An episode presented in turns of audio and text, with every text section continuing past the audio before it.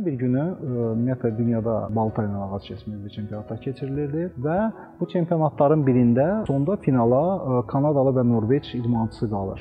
Səhər onlar başladılar final oyununa. Final oyununda şərtləri nə idi? 8 saat ərzində ən çox ağac kəsən qalib elan olunurdu və mükafatı qazanırdı. Eyni vaxtda hər ikisi başlayırlar və təqribən 1 saat keçəndən sonra Norveç idmançısı 10 dəqiqəlik fasilə götürür. Kanadalı idmançı görəndə ki, Norveç idmançısı fasilə götürdü, avtomatik olaraq tempi sürətləndirməyə başlayır ki, onu keçsin, daha çox ağac kəssin və qalib olsun tempi sürətləndirir və Kanada idmançısı görür ki, Norveç idmançısı növbəti saatlarda da hər saatdan 1, bir 10 dəqiqə, 15 dəqiqə fasilə götürür, dincəlir. Onu yenə də fürsət bilən, yenə də həmin vaxtlarda tempini artırır. Daha sürətli ağacları kəsməyə başlayır. 8 saatdan sonra çempionat bitir. Artıq hər ikisini tribunaya çağırırlar və qalib elan etməyə başlayırlar. Bu anda Kanada idmançısı özündən arxayan olur ki, artıq o çempiondur. Çünki yəni həm vaxt, həm də çox ağac kəsilməyinə görə bu birinci yer tutacaq.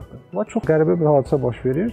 Çempionun Norveçli idmançını elan edirlər. Bunu eşidən Kanadalı idmançı çox təəccüblənir və Norveçli idmançı deyir ki, bu necə ola bilər? Sən fasilə edirdin, mən həmin vaxtları kəsirdim ağacları, mən səndən çox kəsib qurtarmalı idim. Mən ola bilməz axı sən məndən çox kəsirsən. Norveçli idmançı qayıdır ki, bəs mən 10 dəqiqəlik fasilə götürürdüm və baltamı itiliyirdim. Ona görə də ə, mən iti balta ilə daha çox ağac kəsirdim. Və ona görə də mən qalib gəldim. Hə, burada indi hekayəmiz bitir. İndi bu hekayənin mənası nə idi? Yəni biznes mənası nədir? Nə demək istəyirdilər burada? Hər dəfə siz dayananda və vacib məsələləri fikirləşəndə siz baltanızı itiləmiş olursunuz. Dostlar, diqqətinizə görə təşəkkür edirik. Yeni videolarda görüşmək ümidi ilə sağ olun.